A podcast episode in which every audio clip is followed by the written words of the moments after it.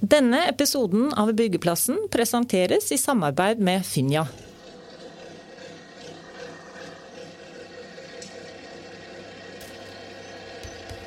Hva er egentlig en papirløs byggeplass, og hva er vitsen med det?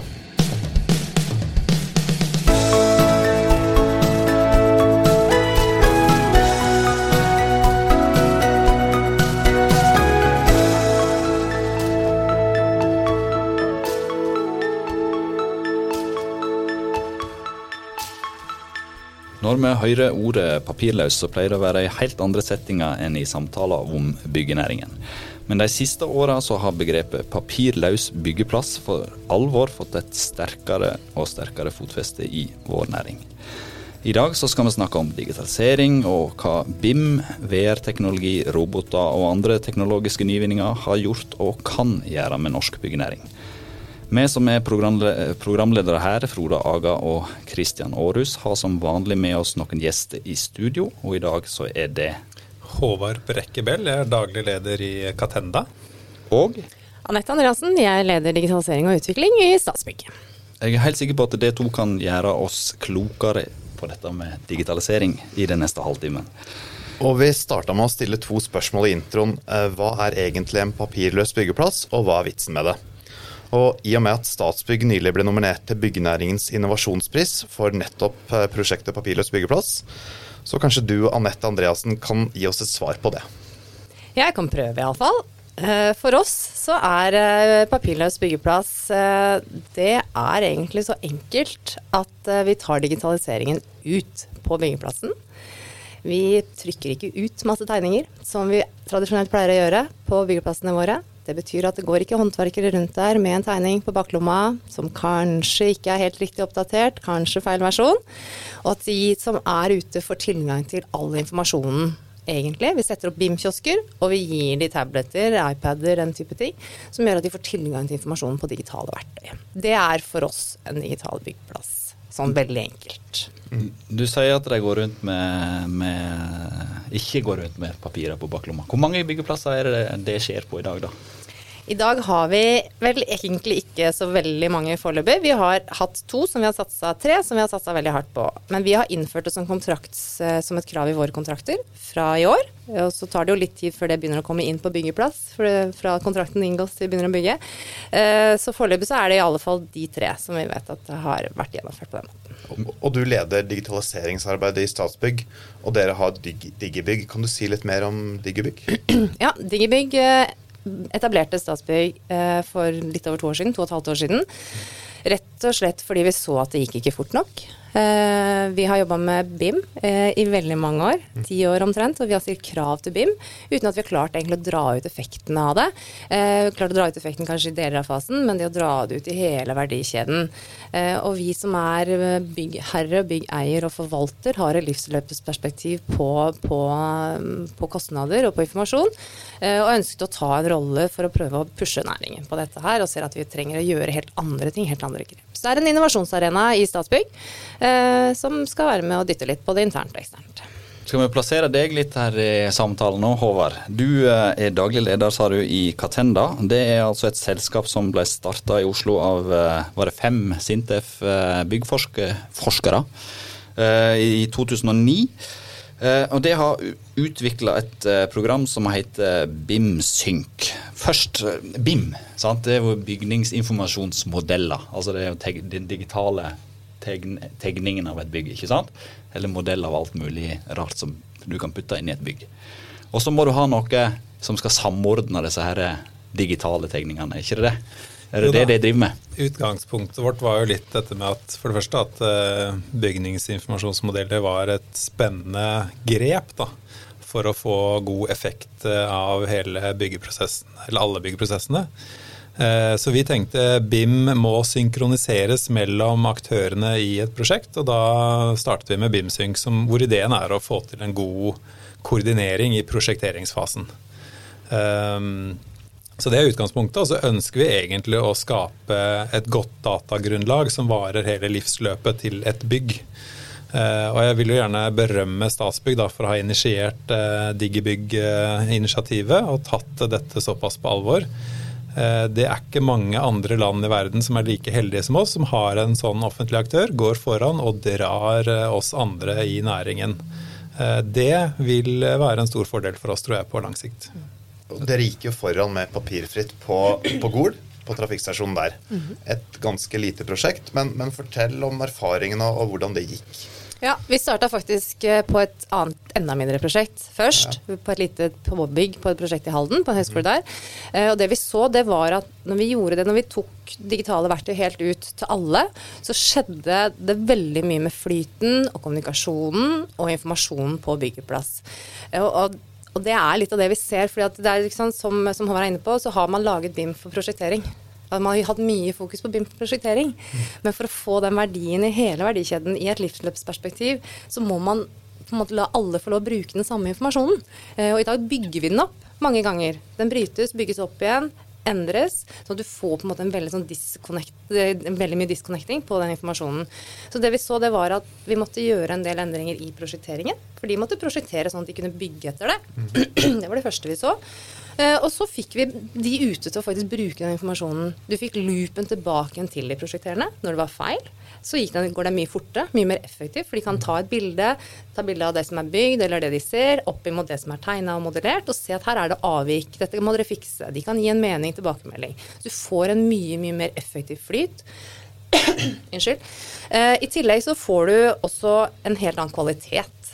Fordi at de er man, man har et underlag som er riktig. Eh, og man bygger riktig. Vi vet jo at det er store avvik på det i dag. Vi bygger mye feil. Eh, og man får en mye mer effektiv flytt. I tillegg så har vi sett verdier på synergier på at man får økt rapportering på, på uønska hendelser, fordi de har med seg verktøy ute. Det er lettere for dem. Vi har arbeidsbyggeplasser i dag hvor det er mange som ikke snakker norsk. Og det å bruke visuelle verktøy det bryter den barrieren på språk. For det er mye lettere for de å stå rundt en BIM-kiosk hvor du har alt tilgjengelig. Du kan dra, og du kan trekke, og du kan jobbe i modellen. Mye enklere og sånn uavhengig av språk. Du kan bryte språkbarrierene. Og dere klarer å få håndverkeren til å legge vekk de mer eller mindre oppdaterte tegningene fra baklomma? Det er veldig morsomt at du spør. For vi har et prosjekt i Bergen nå, og der satt jeg sammen med tømrerne unge gutter eh, som aldri hadde gjort dette her før. Og jeg spurte hva er liksom, har dere for det første, har dere sett dette her, har dere gjort noe sånt før? Har dere lært noe av dette på skolen? Nei, vi har aldri sett BIM før eh, på skolen. Og så jeg, har dere lyst til å gjøre det på en annen måte? Nei.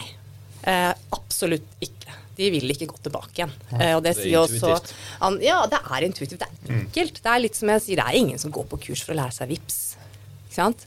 Eh, det er ganske enkelt. Har du gått på kurs for å lære deg BIM, eh, Håvard? Eh, nei, men jeg har jo lest mye om det. Og det er altså selv om vi har kommet ganske langt i Norge nå, og det er gjort mye erfaringer gjennom de prosjektene Statsbygg kjører og andre prosjekter, så, så, er jo dette nybrottsarbeid for, for, mange av oss. Det er jo en, en, en grenser frontier, det heter, hvor, hvor, du, hvor det er litt ukjent terreng. Eh, vi tror f.eks. at eh, når, når nå BIM-en kommer mer og mer ut på byggeplass for å få det papirløse, digitale byggeplassen, så må du ha veldig gode grensesnitt som er veldig spisset på den enkeltes behov behov. F.eks. kanskje er det en app som bare virker for de som skal binde armering. Kanskje er det en app som bare virker for tømreren. Det vet vi ikke helt ennå, men noen, noen av oss tror, og så får man prøve det ut, og så får vi gå en vei og se. Eh, og så kommer det kanskje noen roboter inn her som skal ha et grensesnitt mot de som jobber der, og hvordan det skal funke. Og det må jo også prøves litt ut og finnes ut av. Så vi må jo tillate oss å, å dytte litt og vri litt og prøve ut og feile litt eh, før vi finner det som virker for oss. Og så er det jo dette her sannsynligvis noe som alltid vil være i endring. Det kommer nye produkter hele tiden, det kommer nye metoder, nye prosesser. Det er kanskje noe som er den store endringen for byggenæringen. at eh, nå er det ikke lenger vi har alltid gjort det sånn, men nå er det, vi, vi, må alltid gjøre det litt annerledes neste gang vi bygger. Fordi det er en utvikling som går fremover. Jeg var hos en entreprenør uh, nylig som hadde satt ned en gruppe som de kalte Jedier, som testa ny teknologi. De så om den var moden til, moden til å brukes nå, eller om man måtte vente noen år og prøve igjen. Hva er teknologiene som, som, som kommer om noen år, som vil uh, drive næringa framover? Jeg tror uh, jeg tror det er mye rom for, eh, for robotisering, men det som kanskje ligger eh, nærmest oss nå, da, det er jo kanskje ikke så mye teknologi, men mer prosess. Hvordan kan du legge opp en byggeplass på en sånn måte at det bare går skikkelig unna, og du vet nøyaktig hva du skal gjøre hver dag. Hvis du kunne da planlagt før du kommer til eh, der du skal bygge, så hadde du en klar formening om at jeg skal eh, jeg ikke, bygge tre vegger i andre etasje. Det er det jeg skal gjøre mandag neste uke. For å bygge de tre veggene så må jeg ha riktig verktøy. Jeg må kanskje ha noe spikerpistol eller et eller annet. Jeg må ha materialene som skal være der. Jeg må ha de tegningene eller de modellene eller de digitale de dataene jeg trenger for å bygge det. Og en del andre ting. Og når, har, når alt det er klart, så vet du at da kan du gjøre dette her uten noen form for forsinkelse eller noen ting. Så Hvis du lager en del sånne pakker som er alt er klart, og så er det det du planlegger med for neste uke eller to neste ukene, da har de litt bedre flyt enn det er i dag, hvor det er litt tilfeldig hva som kommer, og jeg hadde ikke den og manglet den, og han som skulle vært der, han er ikke her, osv. Så, videre. så det er en del sånne prosessuelle ting tror jeg er det som kanskje kommer mer øh, og får mer impact enn nødvendigvis akkurat teknologi. da. Mm. Men for å få dette til, så må du ha teknologi og verktøy som understøtter det. da. Du kan få, få tilgang til disse dataene, at de er tilgjengelige hele tiden. Vi tar en liten pause for å få et par ord fra våre samarbeidspartnere. Finja Betong har over 60 års erfaring med bygging i mur og puss. Hvis du ønsker å bygge klimasmarte og bærekraftige hjem med lang levetid, er selskapets produkter riktig valg for deg. Finja Betong tilbyr et bredt og komplett produktsortiment med alt du trenger til arbeidsplassen, innen alt fra murblokk, tørrmørtel, gulvavretting, lim og fug, fasadepusssystem, EPS og grunnelement. Velkommen inn på finja.no og les mer. Og da er vi tilbake på byggeplassen. Vi kjenner jo godt til den norske byggenæringen, naturligvis. Og for oss så kan vi jo få inntrykk av at Norge er veldig langt framme. Vi har robotprodusenter som Enlink, vi har Catenda som har gjort seg bemerka i utlandet. Statsbygg har eh, helt sikkert ligget i front. Du dro jo det fram i innledningen her til det. Det er ikke så mange andre plasser i verden som drar på sånn som det. Er vi så gode som vi liker å tro at det er det Norge som drar denne utviklingen her? Så Foreløpig så kan jeg vel si at eh, sånn som det ser fra mitt perspektiv, i hvert fall, at vi ligger godt an. da. At vi har et rykte på oss i utlandet for å være framme når det gjelder sånne ting. Men det er jo full fart eh, andre steder i verden òg, så vi, eh, hvis vi slapper av nå, så varer ikke det veldig lenge. Jeg ser Frankrike f.eks. Der de begynte på et litt annet sted. De begynte å tenke litt mer helhetlig og, og samhandling og prosess og sånne ting. Hva slags effekt får det om noen år når de eh, får fart, det vet jeg ikke helt, men der er det i hvert fall noe som, som foregår.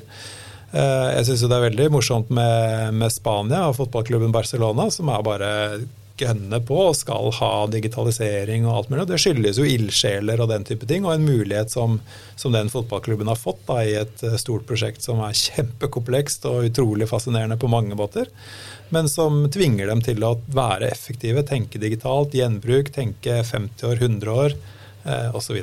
Der er det perfekt bru over til å snakke om fotball. For det, det, er ikke tilfeldig at du drar inn Barcelona.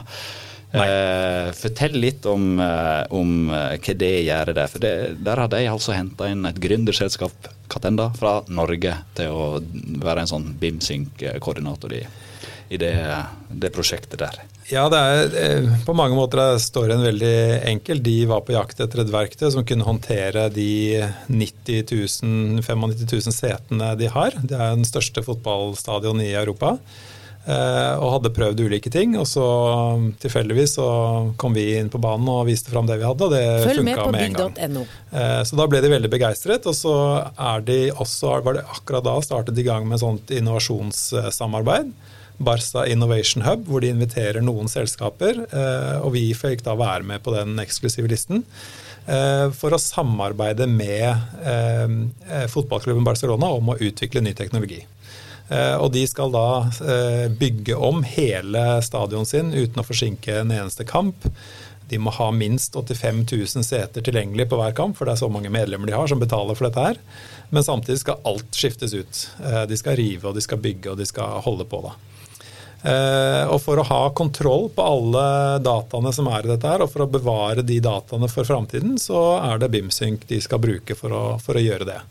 Eh, og det er fascinerende på mange måter. Det er jo morsomt å komme inn i en sånn forferdelig spennende mulighet, men det er også et utrolig fascinerende byggeprosjekt. For det er fryktelig komplisert med alt det de skal gjøre, samtidig som de skal ha en, en middels stor norsk by inn og ut eh, hver kamp, uten å forstyrre byggeprosessen. da. Statsbygg bygger ikke så mange fotballstadioner, men det bygger jo mye, mye annet.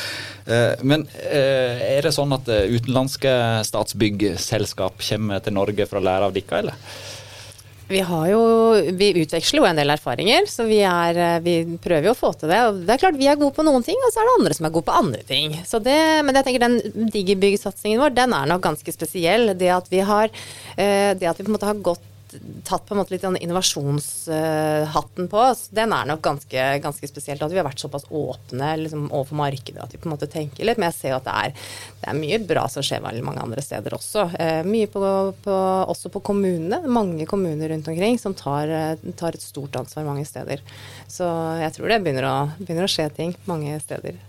Men når det har vært små prosjekter hittil, når er det klart for å ta det over på større prosjekter? Og hvilke prosjekter tenker dere da?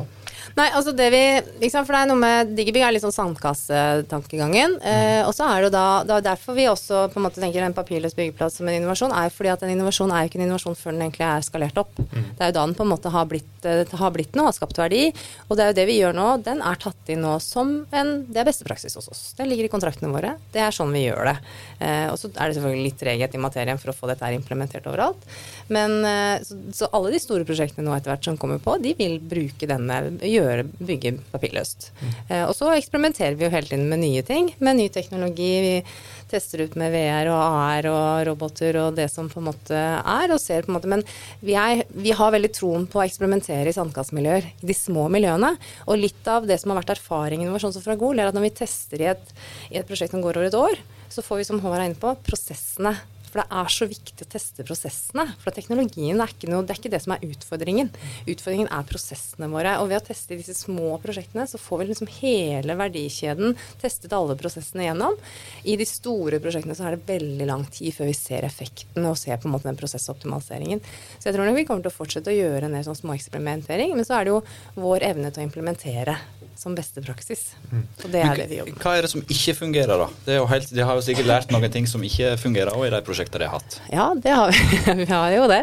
Uh, det vi så vi vi testa på Gol, så testa vi veldig, veldig mye. Uh, og det var ganske mye som var prematurt. Det var det. Vi har vel litt sånn på kost, blant annet. Kostestimering. Vi sa vi la det inn som et krav inn i modellen, og den så vi at den var litt vanskelig. Uh, så ser vi litt utfordringer med fremdrift, og det har litt med verktøyene. For det er en del som er fortsatt veldig dyrt, og det er vanskelig tilgjengelig. Og det er veldig mye av de verktøyene etter hvert som blir veldig tunge og vanskelig å lære opp. Så klart når du snakker med små entreprenører sånn som vi hadde her, så er det krevende for dem. Så her er det en del på, på, på en måte på programvaresiden som trengs å på en måte bli bedre og enklere. Litt sånn som han var inne på, det å lage på en måte løsninger som er anvendelige for det man skal gjøre. For en del av disse er fortsatt veldig store og veldig tunge. Eh, og så så vi at det er klart det å, det å liksom ordentlig få utnytte AR f.eks., som jeg har veldig tro på på byggeplass, som et kvalitetssikringssystem, det er også litt sånn fordi at barrieren er Det er fortsatt litt sånn langt fram for mange. Eh, men eh, Så vi, det testa vi jo, men med litt sånn blanda erfaring på det. Så det, vi har gjort noen, gjort noen, tester, og så har vi gjort en evaluering på det og sagt ok, noe av det er modent, litt sånn som du var inne på her. Noe er modent og klart, og noe er, trenger på en måte fortsatt å ligge litt i skuffen. Men det er jo kanskje litt av utfordringen med dette her, at byggenæringen består gjerne av sånne små entreprenører som kanskje ikke har økonomi og kunnskap og kompetanse til å dra det lasset. Men øh, er det en barriere for å få dette her implementert over hele linja? Altså, det, er klart det, det, har en utfordring i seg, men jeg, tror ikke vi heller skal undervurdere veldig små, enkle grep da, som har stor verdi. Jeg tenker f.eks. igjen på fotballklubben Barcelona, hvor de går rundt nå nå har de begynt å bygge om. Eh, når de har gjort en jobb, så går de og tar bilder av det. Eh, og så tar de de bildene og hekter på de virtuelle objektene som det gjelder. Og, og, før så har man jo tatt bilde av hvordan det går på byggeplass og hva man har gjort osv. Men, men det å bare den lille biten bare hekte det på det virtuelle objektet, da får du plutselig klikk om 50 år og se hva som ble gjort. Og det har en stor verdi. Det ligger ikke i en folder et eller annet sted som ingen finner igjen, hvor de kan søke på bildene og sånne ting. Det henger på den BIM-en, da. Så den FDV-fasen så det er Ja, du skaper data for hele livsløpet. Og det, det er en bitte lite grep men det har, tror jeg, veldig stor verdi for eh, prosjektet som helhet. da. Så at, eh, ok, AR er jo utrolig, Jeg er helt enig med Anette. Det har et kjempepotensial når du får barrieren lav nok og teknologien god nok. Eh, men før det så kan du gjøre mye da som er små, enkle ting, hvor, det, hvor ting er modent og tilgjengelig. Og det er ikke så mye som skal til før du skaper stor verdi. Hadde jeg vært byggherre i dag og skulle bygge et bygg, jeg ville vært helt klar på, på en del krav jeg hadde stilt som er enkle, alle kan få det til, men som gir meg som eier av bygget stor verdi. Jeg eh, prøvde et dataspill jeg, som eh, var tatt inn i, i Digibygg på Gol. Mm -hmm. Og det gikk på HMS. Der jeg gikk rundt og var en sånn fyr som gikk inn i en dataverden. Og så gikk jeg og gikk på alle de sikkerhetssmellene jeg kunne gå på. Mm -hmm. Det, har det hatt noe effekt, sånn HMS-messig uh, ut av dette her? Ja, det hadde det. Det var litt sånn som det var jeg inne på. Det er klart at det å, uh, å bruke visuelle verktøy for opplæring det er jo det vi gjør der. Vi bruker, vi lager istedenfor å ha sånn som det er i dag, så leser du en sjekkliste, og så krysser du av for at du har lest og du har akseptert og forstått. Så spiller du deg gjennom og melder inn rapporter og melder inn hva, hva, slags avvik du får og sånn. Så det er klart at det, effekten av det er at vi fikk en mye høyere rapporteringsgrad på det prosjektet enn det vi pleier å ha på våre andre prosjekter. Og, og barrieren for å melde rapportering er veldig mye lavere. Og vi, har, vi, er i gang med en annen leverandør nå på et prosjekt i Bergen, som er en liten startup som driver og utvikler egentlig litt den samme teknologien. Så her skjer det mye, for jeg tror veldig på å bruke den type teknologi for å få til opplæring. Det er veldig, veldig effektfullt. Og i HMS så ligger det òg ordet miljø. Ja. Uh, og der uh, har jeg helt sikkert òg kjempe, et kjempepotensial med bruk av BIM. Uh, hvordan kan en utnytte potensialet der for å få et bedre, bedre klima eh, i byggenæringen? Nei, For meg er det, det, det som kanskje er det enkleste bildet, i tillegg til sånn effektivisering og, og ting går bedre og på kaste mindre og sånne ting, så er det at du sitter med en til slutt da, en, en veldig klar databank. Hva er det som er i ditt bygg nå? Eh, og da vet du eh, om dette vinduet, hvis du skal rive det bygget, så vet du om dette vinduet kan brukes igjen et annet sted. Så du kan få en sånn sirkulær økonomieffekt. Eh, du vet hva slags materialer det er, og hvordan de best kan avhendes eller resirkuleres eller brukes om igjen. Eh, skal du bygge om dette bygget, så vet du at eh, den søylen der den kan stå, for den varer i 100 år til. Det vinduet der må vi bytte ut, for det er nå ikke de kravene vi skal ha, osv. Så, videre, og så, videre. så du får plutselig mye mer effekt. Og så er det dette med, med svinn og alt mulig sånt. Du kan redusere det og, og, gjøre ting raskere og bruke mindre ting. Og du kan simulere mye mer dette bygget som er bygget virtuelt inn i en datamaskin. Eh, hvor mye energi bruker det, hvor mye sol trenger det, hvor mye ditt, hvor mye datt. Det kan du simulere rett ut, og så kan du optimalisere for en best mulig effekt. da. Og så har dere fått med dere Obos og Veidekke, store, tunge selskap i norsk byggenæring. Lokomotiver. Hvordan er de med å drive utviklinga videre? Ja, eh, Veidekke er jo med på å bruke eh, softwaren vår da, i sine prosjekter. Eh, så det, det, gir jo tilbakemeldinger og innspill og alt mulig sånne ting. Og Obos eh, er i ferd med å etablere en sånn eh, ja, eh, et samarbeid der tanken er å skaffe Obos gode data om de byggene de har på, på livsløpet sitt. Mm. Uh, og Det er jo en drømmesituasjon for oss som uh, programvareleverandør å få være med å utvikle og jobbe med en stor aktør hvor, hvor, det er det vi har lyst til å levere på, og det er det de krever, og få til noe bra der som, som vi kan ta ut i, i verden senere. Vi var jo inne på både miljø og mindre eh, entreprenører her i stad. og Jeg tror ikke du kan ha unngått å fått med deg hvem han Jon Olav Sigvardsen er i Norges Hus Johs Bygg er, hvis du har vært på en eller annen konferanse i byggenæringen de siste åra. Han eh, sa til lokalavisa si eh, Eidsvoll Ullensaker Blad i 2017 at eh, i 2012 så hadde byggelederne eh, deres 40% arbeidstid på kontoret, og så hadde de 60 eh, ute. Og Så eh, implementerte de en del digitale verktøy, og så har det resultert i at de byggelederne er 80% inne og 20% ute. Så da kutter de da masse kjøretid. Så det, det, det er jo et sånt enkelt bilde på hvordan du kan gjøre et enkelt miljøgrep. da. Men er det der den store eh, muligheten ligger? Det er i hvert fall én eh, god mulighet. Jeg fikk en assosiasjon til akkurat det. Et stort byggeprosjekt i, i Macau. Å bygge svært kasino og alt mulig rart på en gang. De hadde betongbiler som kom inn hvert minutt, og det var liksom kjempegreier. Men der kom de med en liten håndholdt som hadde informasjon om tegningene. og som sparte dem for 50% av tiden sin. Altså de kuttet tiden sin med halvparten. og da var liksom, Hvordan er det mulig, spurte da den software-leverandøren. Jo, fordi eh, han fyren som trenger dette, den tegningen, han ville normalt gått da fra et eller annet sted på byggeplassen og til brakka for å hente tegning og tilbake igjen. Det tok fire timer. En stor byggeplass, med andre ord. Så bare den lille grepet der sparte dem for masse Du kasta jo vekk enormt mye tid i kjøring, og ja, miljø er nå én ting, men, men en, ting, en ting er jo tid, og så har du penger. Jeg hører jo entreprenører som sier at de mener at de sparer 10-20% på å digitalisere. Hvorfor gjør ikke alle det da? Altså Det er en bransje med ekstremt lave marginer. Ja, Det er et godt spørsmål, men jeg tror det skyldes at det er ikke lett å vite eh, Ok, nå er jeg her, jeg gjør jobben min på denne måten og så sier alle at jeg skal digitalisere. Hva betyr det? Hva er mitt neste steg i morgen? Hva skal jeg gjøre for å komme i gang med dette? her? Det er ikke så lett. Eh, og der er det kompetanse og den type ting. Jeg tror Norge har gjort et kjempegrep med disse BIM-teknikerutdannelsen, og nå har NTNU begynt med en digital byggeprosessutdannelse og sånne ting, så det tror jeg er veldig bra. At uh, igjen at Statsbygg uh, drar næringen, tvinger folk til å begynne å tenke, følge med, lese, forstå, delta på konferanser, få tak i data, forstå hvordan de skal komme videre. Men jeg tror ikke det er veldig lett da, å, å, stå der midt oppi en hektisk eh, hverdag. Eh, du skal levere på dine tall og dine prosjekter og din tid. Og så skal du i tillegg lære noe helt nytt og forholde deg til det og skjønne strategisk hvordan skal du gjøre dette riktig for ditt, eh, ditt selskap. Så jeg tror det skyldes litt sånn. Og så er det jo noe med Hvis ikke du får det når du utdanner deg i utgangspunktet, sånn som du var inne på i stad, så er jo det et stort problem. Mm. Det er en stor utfordring. For er en, nå er de i gang, som, som har inne på. De er, det er i gang å skje ting, men det er klart det er fortsatt et ganske stort gap mellom måte utdanningsinstitusjonene og det vi begynner å stille krav om, og det som faktisk skjer på teknologien. Har dere noe, det, noe, kontakt med utdanningsinstitusjonene for å bedre den situasjonen?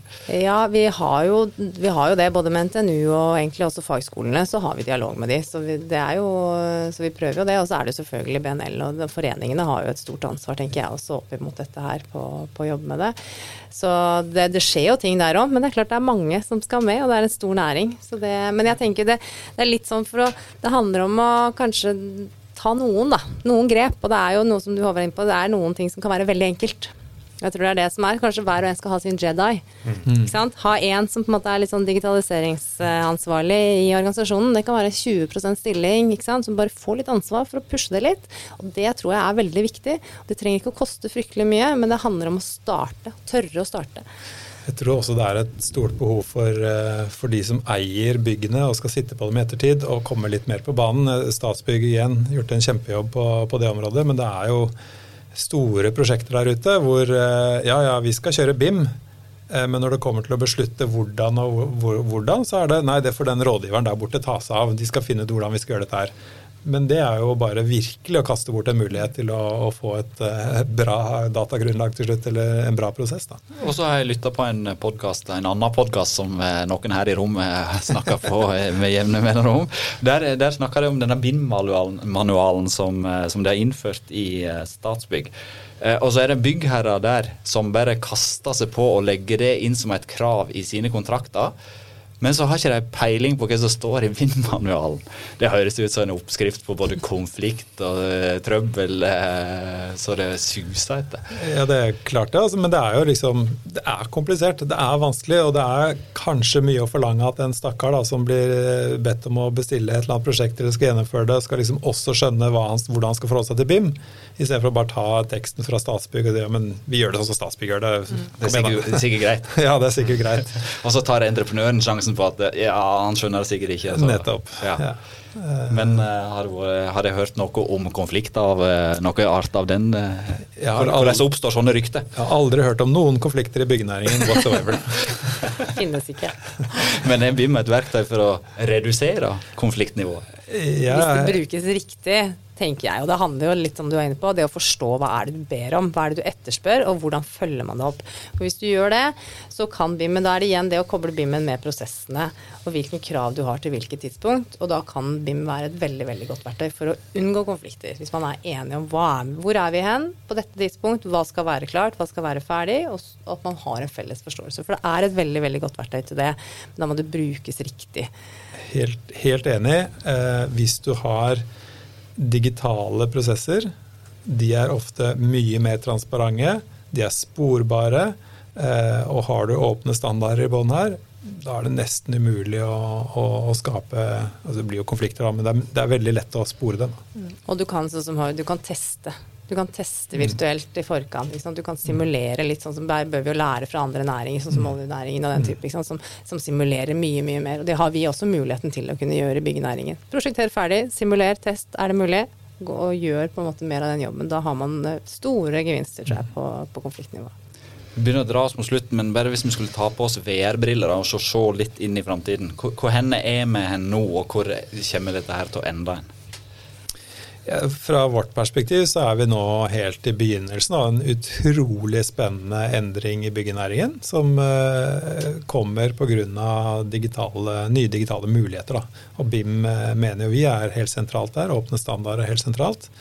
Eh, og så er det en kompleks næring som eh, man ikke helt Eller i hvert fall fra mitt perspektiv så er det vanskelig å vite om det kommer som en sånn bølge som flodbølge som skyller over oss og masse skjer på en gang, eller om det kommer litt etter litt etter litt. Det gjenstår å se, tenker jeg da. Mm. Vi har ingen bygningsmodell eh, som vi følger her i byggeplassen, men vi har en tidsmodell som vi pleier å følge ganske eh, nøye. Så nå har vi klokka inn på vår tilmålte halvtime, og da er det bare å si 'bim there, done that' til våre gjester. Og så vil vi takke så mye for at Håvard Bell og Anette Andreassen kom til oss. Kristian Aarhus og jeg, Frode Aga, har vært programledere, og Alf Magne Hillestad har stått for teknikken. Eh, gå gjerne inn og lytt til andre episoder av Byggeplassen der du lytter til dine podkaster. Og så høres vi snart igjen hvis jeg får hatt pusten. Takk for i dag.